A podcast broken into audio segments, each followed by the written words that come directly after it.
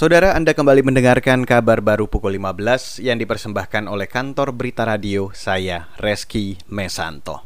Kementerian Keuangan menyebut Indonesia bisa terhindar dari ancaman resesi ekonomi dengan cara menggenjot anggaran belanja pemerintah. Staf khusus Menteri Keuangan Justinus Prastowo mengatakan, dalam keadaan pandemi saat ini, perputaran ekonomi hanya bisa dilakukan jika ada perputaran uang yang cukup besar dan masif dari banyak sektor.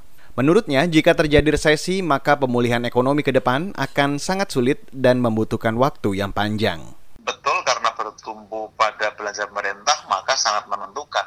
Kalau kuartal 2 itu sudah pasti negatif, pertumbuhan. Pertarungan kita kan di kuartal 3 dan 4. Betul. Kuartal 3 ini juga sangat bergantung pada pengatasan dampak kesehatan pandemi. Hmm. Kalau bisa lebih cepat, berarti ekonomi bisa lebih cepat bergeliat, terutama sektor swasta. Tapi kalau ini lebih mundur lagi, berarti betul-betul hanya mengandalkan belanja pemerintah. Dalam hal ini ya semacam efektivitas stimulus itu ya. Ya. Saya rasa dalam hal ini bisa dibenarkan apa yang disampaikan Presiden. Kalau yang lainnya lumpuh dan tinggal pemerintah harapannya, ya mau nggak mau belanja pemerintah yang menjadi andalan.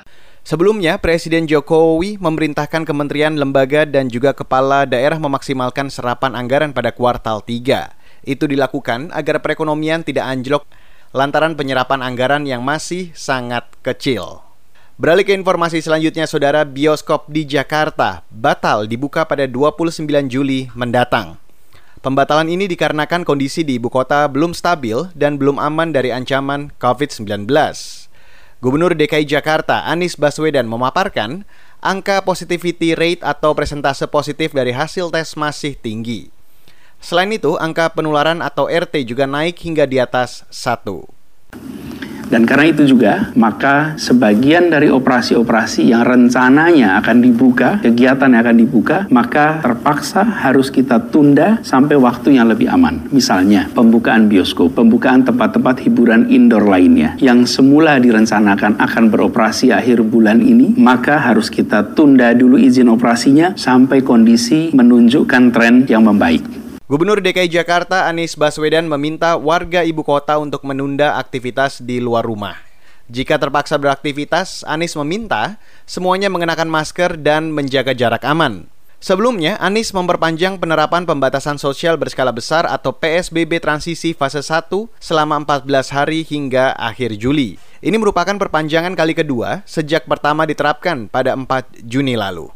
Saudara, ribuan nelayan di Kabupaten Cilacap, Jawa Tengah mendaftar sebagai nelayan penangkap benih lobster ke Dinas Kelautan dan Perikanan atau DKP 4. Itu dilakukan setelah pemerintah mencabut larangan ekspor benih lobster. Sekretaris HNSI Kabupaten Cilacap, Tauku Iskandar, mengatakan sebagian nelayan sudah mempersiapkan alat tangkap, namun urung beroperasi. Sebab aturan dan kuota tangkapan untuk nelayan masih diproses di KKP. Kata dia, tiap nelayan penangkap benih lobster akan diberi kartu identitas. Sementara ya banyak sih memang pengepul yang yang sudah terdaftar baik di Dinas Perikanan atau HNSI. Kemarin sekali-kali ngundang itu sekitar ada 9 atau 10 lah pengepul di Cilacap. Kemarin kan jadi para pengepul itu suruh bikin kelompok uh, dan mendata semua anggota nelayan yang ingin, ingin menjadi nelayan penangkap benur lobster. Itu kemarin sekitar 1.200-an uh, yang yang mendaftar ke Dinas Perikanan. Tuku Iskandar mengatakan benih yang ditangkap adalah benih lobster jenis pasir dan lobster mutiara. Benih yang ditangkap berukuran kisaran 2 cm.